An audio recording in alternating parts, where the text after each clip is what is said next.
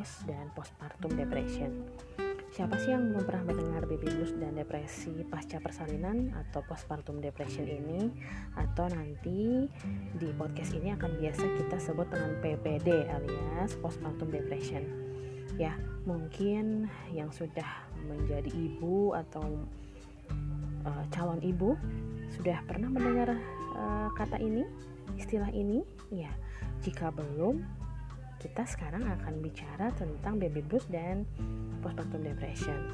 Ya, jadi baby blues itu lekat sekali dengan fenomena ibu pasca melahirkan. Jadi katanya, apakah betul setiap ibu yang habis melahirkan pasti mengalami baby blues? Betul gak sih? Atau jangan-jangan rekan-rekan yang mendengarkan saya sekarang ini udah pernah merasakan baby blues?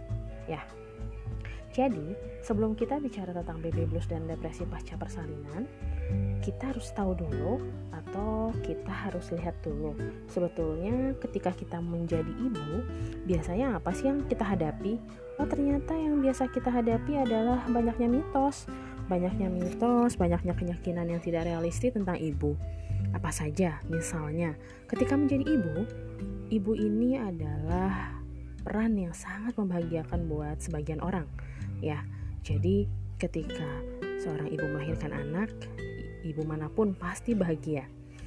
Dan kemudian mitos yang kedua adalah katanya memiliki anak akan menggenapi pernikahan atau rumah tangga kita. Dan kemudian banyak juga yang mengatakan bahwa bukan seorang ibu yang baik jika dia tidak mampu mengasuh anaknya secara benar. Dan menjadi orang tua itu mudah loh dan alamiah ya kalau misalkan ada yang mungkin sebelum menikah menyatakan bahwa saya tidak bisa mengasuh anak, saya tidak bisa berperan menjadi seorang wanita yang baik. Banyak sekali orang yang mengatakan bahwa nanti juga kalau udah nikah kamu bisa sendiri gitu ya. Benar apa enggak ya gitu? Apakah menjadi orang tua itu alamiah atau perlu belajar dulu? Nah, oke okay, nanti kita cari jawabannya.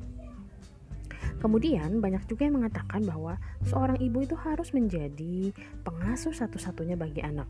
Dan itu harus selalu uh, apa? harus selalu mutlak gitu ya. Artinya kalau misalnya ada sesuatu yang terjadi pada anak itu ibu yang bertanggung jawab. Karena ibulah satu-satunya orang yang mengasuh anak. Nah dari mitos-mitos tersebut itu benar gak sih? Oh ternyata benar dan tidak ini termasuk perbedaan dari pemikiran setiap orang. Ya. Tapi pada kenyataannya atau pada realitanya butuh waktu untuk beradaptasi menjadi seorang ibu dan tugas-tugas yang harus diketahuinya. Banyak hal yang baru yang harus dipelajari untuk menjadi ibu dan ini butuh waktu untuk melatih dan butuh waktu untuk latihan. Ya, jadi kalau udah tahu ini, sebetulnya kita pantas nggak sih kalau kita menjudge atau menilai ibu baru atau ibu yang baru berperan baru melahirkan itu dituntut harus langsung bisa mengurus anaknya dengan baik ya. Saya kira ini adalah suatu yang tidak adil bagi ibu gitu ya. Ketika ibu langsung dituntut untuk menjadi ibu yang sempurna ibu yang baik karena pada dasarnya semua ibu itu butuh waktu untuk beradaptasi. Ya, butuh waktu beradaptasi dengan tugas-tugasnya, dengan perannya, dengan kemampuan-kemampuannya dan juga yang paling penting adalah ibu yang satu tidak sama dengan ibu yang lainnya. Sehingga tidak tepat bagi kita kalau kita menyamakan diri kita dengan orang lain. Kita menyamakan ibu-ibu yang lain dengan diri kita. Karena apa? Karena pada dasarnya semua orang itu berbeda. Tapi Artinya semua orang bisa menjadi ibu yang baik. Ya. Nah, jadi kalau kita kembali lagi ke yang tadi, kenapa sih kita ngomongin mitos dan realita?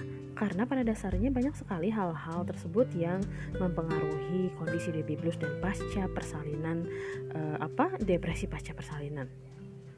Tapi di sini saya mau singkat saja menjelaskan bahwa 80% perempuan mengalami baby blues. Artinya, hampir semua wanita yang mengalami proses persalinan, baik itu persalinan sesar maupun persalinan normal itu mengalami baby blues.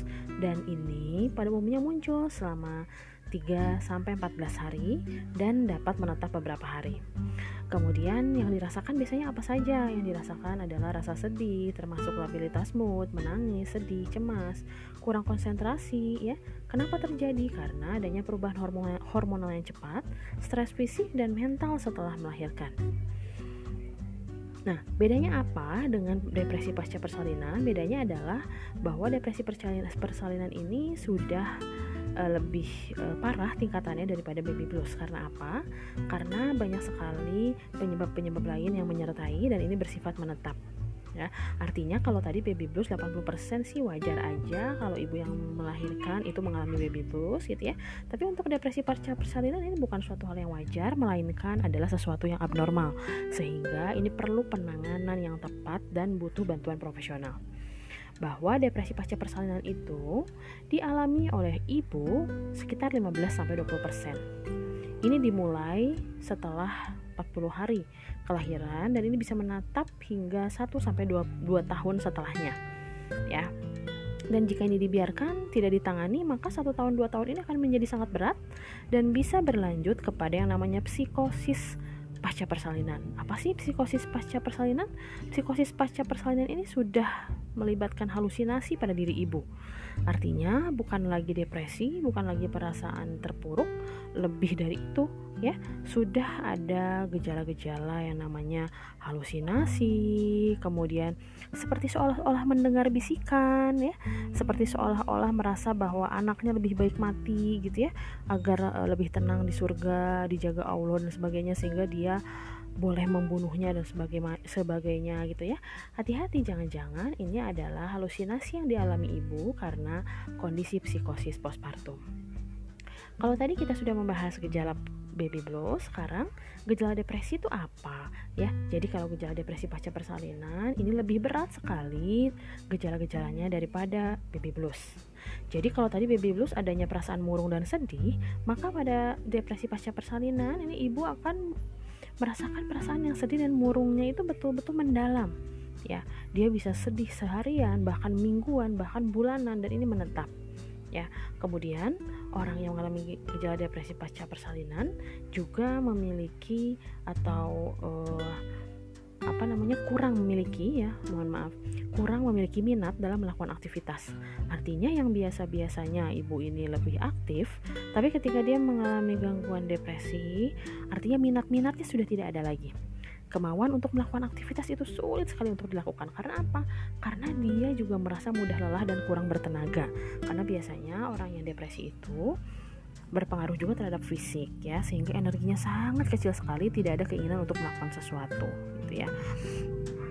Kemudian e, mudah lupa dan konsentrasinya menurun tentu saja karena munculnya kecemasan pada penderita depresi. Sehingga sering kali ibu-ibu yang mengalami depresi pasca persalinan ini pada akhirnya banyak melakukan hal-hal yang ceroboh misalnya ya, yang eh, hal-hal uh, yang membuat kesalahan. Karena apa? Karena konsentrasinya menurun ya.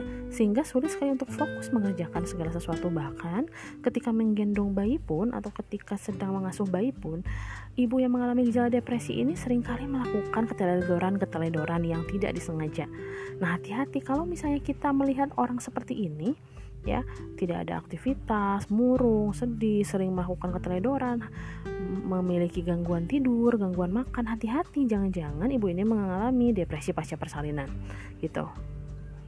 Nah, tapi yang lebih dalam lagi, ibu yang mengalami gejala depresi pasca, persalinan ini memiliki perasaan bersalah yang sangat besar dan akhirnya merujuk pada perasaan tidak berguna. Artinya, ibu ini sering merasa bahwa saya ibu yang gagal, saya tidak bisa menjadi ibu yang baik, ya.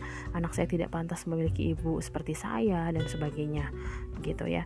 Nah, Makanya, orang-orang yang mengalami gejala ini sebaiknya mendapatkan dukungan dan support dari lingkungan, terutama orang terdekat, misalnya suami dan keluarga.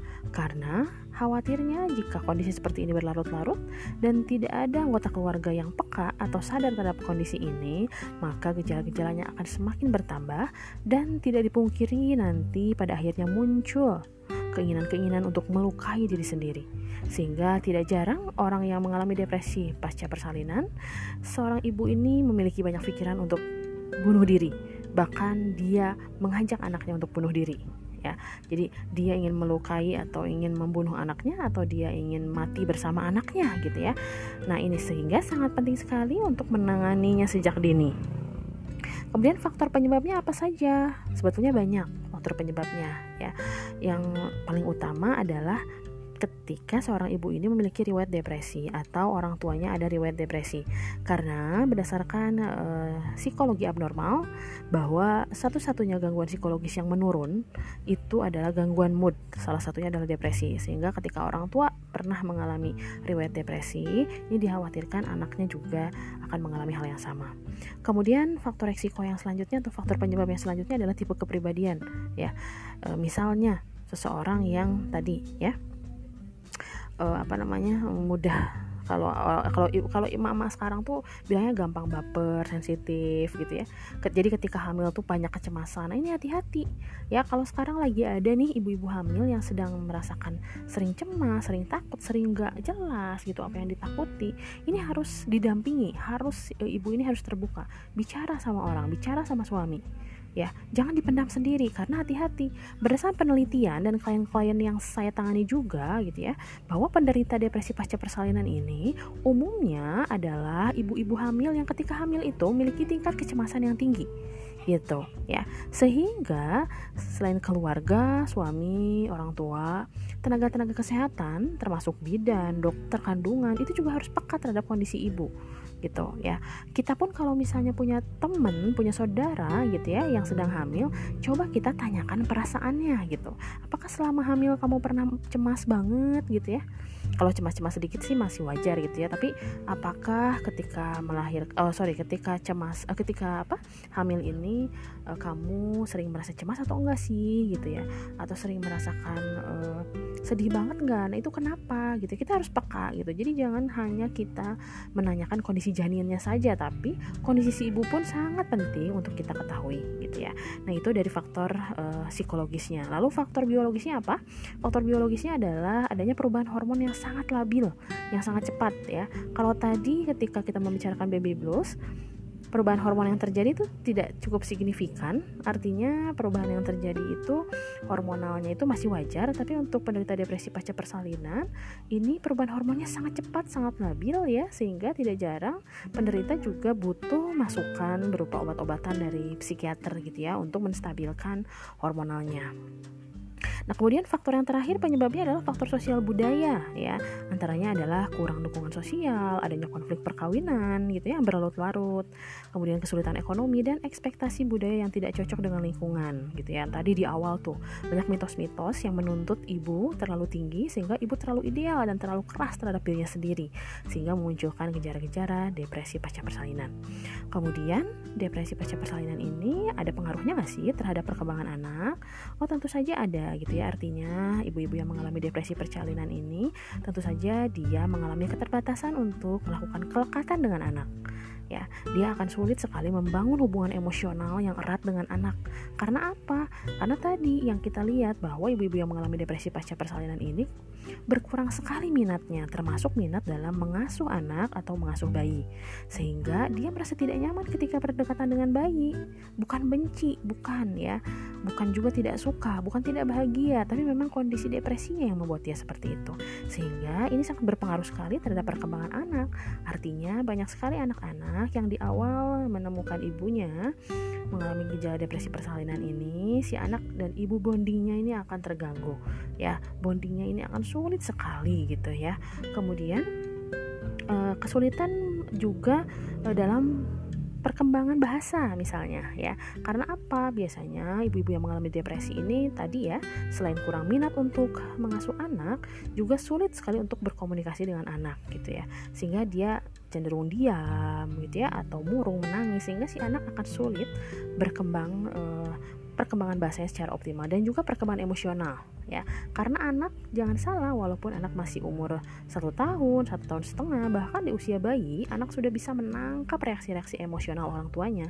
Sehingga ketika dia melihat ibunya selalu murung sedih si anak ini akan merasakan dia akan menangkap dari panca inderanya sehingga dia masukkan ke dalam perasaannya bahwa kenapa ibu saya seperti ini? gitu ya. Kenapa uh, saya uh, tidak merasa dekat dengan ibu dan sebagainya? gitu ya. Nah ini juga akan berpengaruh terhadap kondisi emosional anak sehingga kita sangat perlu sekali peka terhadap ibu-ibu yang mengalami gejala depresi ini untuk uh, bisa memperbaiki dulu gejalanya bisa menurunkan gejala depresinya sehingga bisa berpengaruh terhadap relasi dengan anaknya. Ya oke untuk penjelasan yang selanjutnya kita akan lanjutkan di podcast yang lain ya. Terima kasih